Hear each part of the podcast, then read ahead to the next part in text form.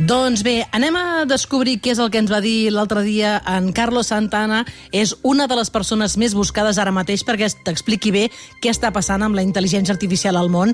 Té un canal de YouTube amb gairebé 8 milions de subscriptors, és enginyer, divulgador des de fa anys, però és ara quan el seu canal .ccb s'ha disparat.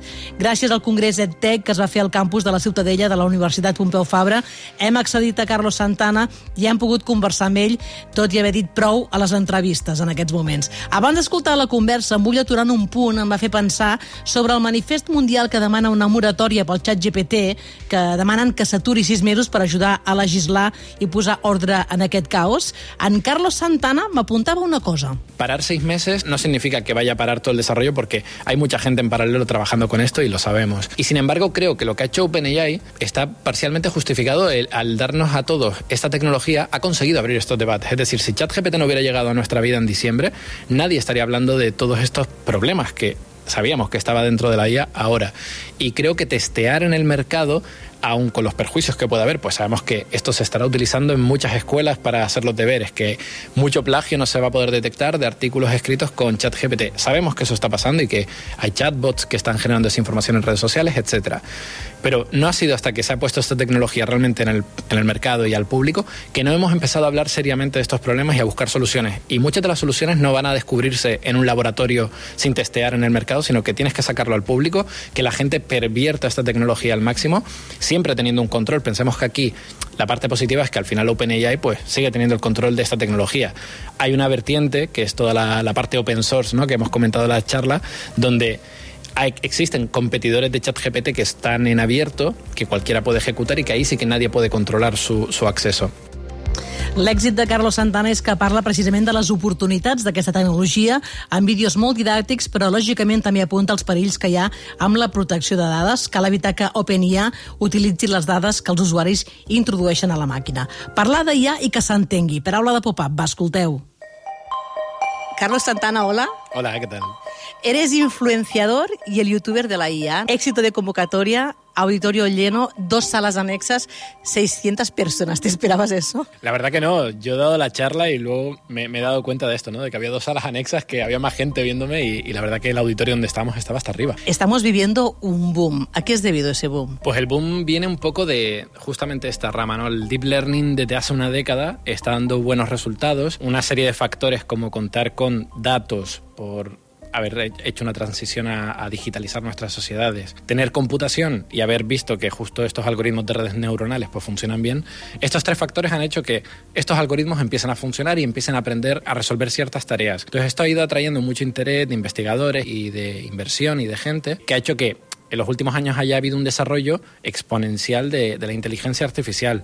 El boom que estamos viviendo ahora ha sido el salto de lo académico al mainstream, ¿no? A, al público general, pero es cierto que ya esta tendencia se podía prever desde los años anteriores, lo que ahora esto ya ha llegado de una forma general a todos los públicos, abriendo debates como el que hemos tenido hoy. Lo que se anunciaba se ha hecho realidad, has dicho, ¿no? Lo que se anunciaba y lo que se preveía se ha hecho realidad antes de lo que esperábamos. O sea, si tú hace dos años me preguntabas si íbamos a estar viviendo lo que tecnologías como ChatGPT o como en el ámbito de la generación de imágenes está ocurriendo, te hubiera dicho que era imposible, que eso llegaría en 5 o 10 años y sin embargo aquí estamos. Lo que aporta la IA es comparable con la revolución industrial, la llegada de Internet o la llegada del smartphone. Hay mucha gente que lo está comparando con la llegada del smartphone y me parece que es quedarse cortos. Diría que es como la llegada de Internet y creo que es muy interesante pensarlo así, ¿no? La digitalización que trajo Internet, que además si lo pensamos ahora, ha cambiado todo, pero ha sido tan paulatino que ni siquiera lo... Es como ahora damos por sentado que podamos escuchar librerías de música sin, sin problemas, ¿no? Y, y Spotify existe desde hace 10 años y, y, poco más.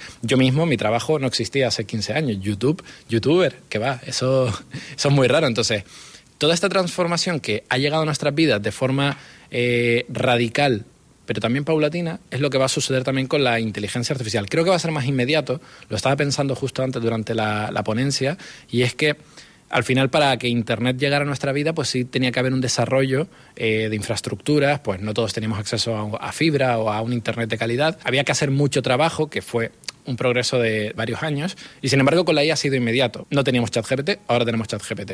Entonces como que este debate ha sido mucho más radical, pero las implicaciones y cómo va a transformar nuestra sociedad la tenemos que pensar como la llegada de un nuevo Internet. Tú tienes um, mm, 750.000 seguidores en YouTube y los últimos vídeos con más visitas son probando ChatGPT 4, 270.000. El futuro del trabajo con ChatGPT. Debemos pausar la IA. Tu conferencia era enseñar en tiempos de IA, aliada o enemiga. Ha acelerado también que los profesores se dan cuenta que tenemos que enseñar de otra forma, ¿no? Sí, o sea, para la, oportunidad que ofrece la tecnología de ChatGPT y todo lo que vaya a venir ahora en las aulas, es evidente. Yo creo que un poco la, tesis que, que estamos ahora hablando en la mesa redonda es, seguramente toda esta transformación va a llegar antes por la parte del alumno que del profesor, ¿no? Sería genial que fuera el profesor el que supiera incorporar en, el aula esto, pero el alumno que no tiene que desaprender nada, que directamente se va a encontrar con una tecnología que le va a facilitar el aprendizaje, que sí, que va a ser los deberes. También sabemos que eso se va a utilizar para eso, seguramente, al igual que nosotros usamos el acceso a Internet hace 20 años para lo mismo. Pero es cierto que se aporta una serie de ventajas en el proceso de aprendizaje. Yo, por ejemplo, motivo de por qué soy youtuber es porque a mí me sirvió mucho acceder a contenido audiovisual en paralelo mientras yo estaba aprendiendo en la, en la universidad y, y, en bachillerato. A mí me servía mucho porque me daba unas herramientas que yo no tenía en el aula. Entonces ChatGPT va a servir como apoyo para los alumnos. ¿En qué forma? Desde poder hacer preguntas 24/7 a un profesor particular que no se va a cansar, a poder pedir que te evalúe tus conocimientos generándote ejercicios que tú le puedes dar la respuesta y te va a decir, mira, aquí falla. Y a lo mejor tú le puedes decir, oye, donde has visto que he fallado, quiero que ahora generes 20 ejercicios más, una educación personalizada según tus lagunas de conocimiento donde flojees más. Bueno, existen un montón de estrategias o, hacer puentes de conocimiento. Tú a lo mejor en clase aprendes en una asignatura un concepto, en otra asignatura aprendes otro completamente diferente, pero no encuentras una unión entre ambos conocimientos, ¿no? Poder pedirle a ChatGPT que te hable de geometría, que ha visto en matemática, y de historia del Imperio Romano y que te haga una clase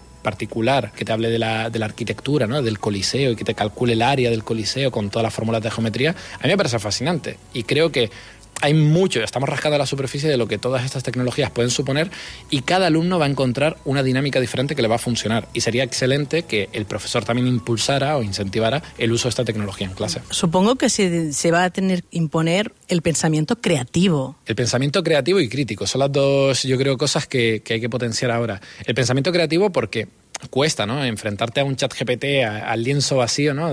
tengo todo ese poder en mis manos, ¿qué le pido? No? Lo primero que le pido yo siempre, oye, ¿me conoces? ¿Sabes quién es .csv? Y es como de ahí no salgo porque es cierto que cuesta arrancar y encontrar una dinámica que funcione, pero por eso creo que en el uso de la herramienta vamos a encontrar la virtud y el valor. Luego también pensamiento crítico, porque sabemos que estas herramientas todavía son imperfectas, ¿no? No estamos aquí hablando de una tecnología que funciona al 100%, sino que hay alucinación de datos, que es inventarse datos que no, que no existen. Incluso cuando se inventa datos puede de forma... Eh, muy autoritaria decirte que tiene la razón, lo cual genera una discusión incluso que es más complicada. Claro, no, es que lo que estaba pensando, tú dices el deep learning, ¿no? La máquina va aprendiendo de lo que le vas echando y estamos haciendo todos chistes, bromas y todo esto se lo está tragando el monstruo, ¿no? Sí, sí, pero fíjate que chistes no, no sabe hacer muy bien, no. No, no, se le da muy bien el humor. Pero sí es cierto que la máquina se nutre de un montón de datos de, que hay en Internet y luego se hace un proceso de eh, filtrado, de darle forma para que se alinee un poco con los intereses de, de lo que sería, bueno, moralmente correcto, ética, etcétera, ¿no? Tú ChatGPT no le puedes pedir que te haga una bomba, te va a decir, lo siento, como una IA, no te lo puedo hacer. Hay formas de saltarse estas medidas, formas muy creativas también. Hay gente que.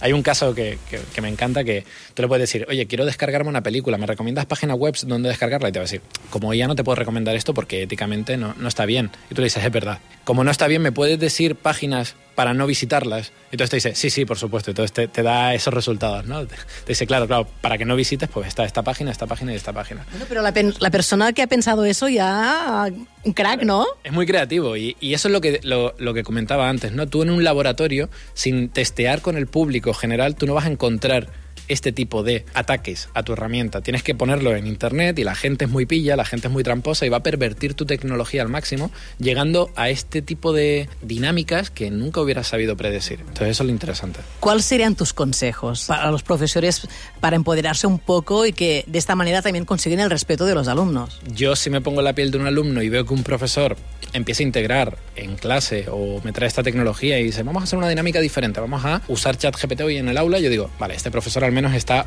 en la línea de lo que yo considero que me está siendo útil. Entonces, creo que eh, el consejo que le daría a cualquier profesor es que lo pruebe que haga una prueba, que haga un piloto en clase si quiere, o que al menos pruebe el uso de ChatGPT en su casa, como si es para pedirle consejos de cómo regar las plantas, da igual, que lo use, que le encuentre el valor y entonces ya con eso, seguramente cada profesor pues encontrará cuál es la dinámica que mejor funcione. Pero al menos conocer la tecnología, no enrocarse en decir esto a mí no me, no me va a servir, no es útil, porque una realidad que sí podemos asegurar es que esta tecnología está aquí para quedarse. Estamos en un periodo en que la gente se está apuntando a, a los cursos de septiembre, a las formaciones.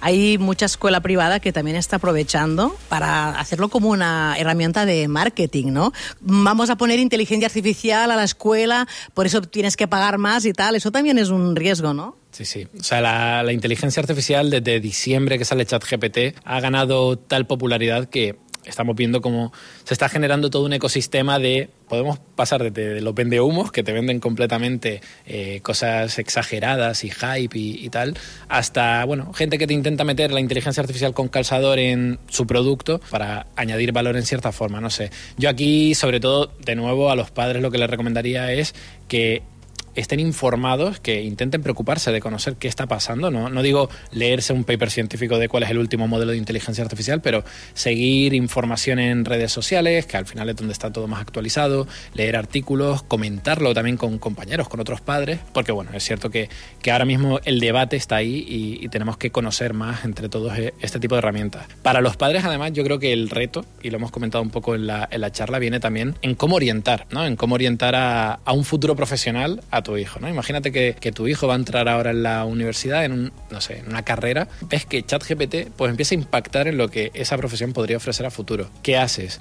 ¿Qué recomiendas? ¿Va a verse afectado? ¿Va a desaparecer o se va a transformar en otra cosa? Ahí hay muchos, no lo sé. O sea, la respuesta que encuentras con muchos profesionales es no sabemos predecir cómo va a acabar detonando todo esto, igual que no sabíamos predecir el impacto que va a tener Internet en nuestra sociedad.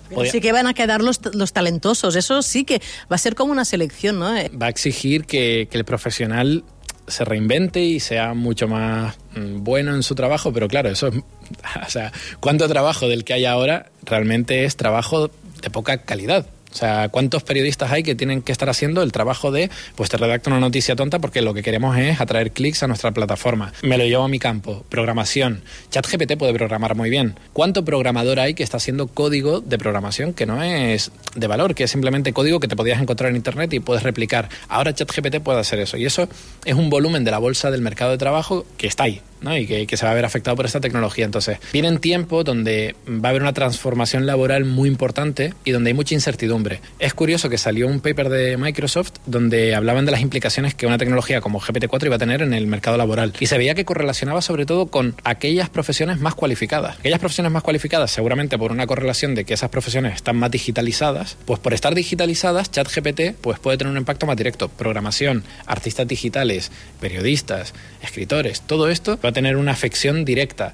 Hay que plantearse estos debates, pero es cierto que entramos en un periodo de mucha incertidumbre y eso es lo complicado. Y la última pregunta, ¿cuál es tu formación? Bueno, yo soy ingeniero informático. Eh, ingeniero informático, hice un máster luego en inteligencia artificial en la Universidad de Helsinki y luego ya cuando estaba estudiando el máster fue cuando empecé a hacer mis cosillas en el canal de YouTube en paralelo quería hacer investigación, quería hacer un doctorado, pero al final el canal de YouTube me llevó por otros caminos. Digo, para poner en valor los youtubers también. Sí, sí, sí. Ah, bueno, hay que entender que, que, un youtuber a día de hoy ya no es el concepto de youtuber primigenio de hace 10 años, que parece que, o sea, que el tiempo pasa, ¿no? Y ya esto está establecido tanto de la rama de divulgación como otro tipo de canales. No, no quiero aquí hacer comparaciones. O sea, a mí el que hace un, una labor de, por ejemplo, entretenimiento en redes sociales tiene una labor muy difícil, ¿no? Un Ibai Llanos hace una labor que tiene un mérito eh, enorme, pero bueno. No sabemos si va a durar mucho, no sé si se puede estar tantos años generando tanto contenido en redes. En redes sociales no lo sé. A mí, cuando yo empecé el canal de YouTube, la gente me decía, pero ¿y tú cuánto vas a hablar de ella? Si se te va a gastar algún día el contenido. Y a día de hoy me, se me acaban las horas.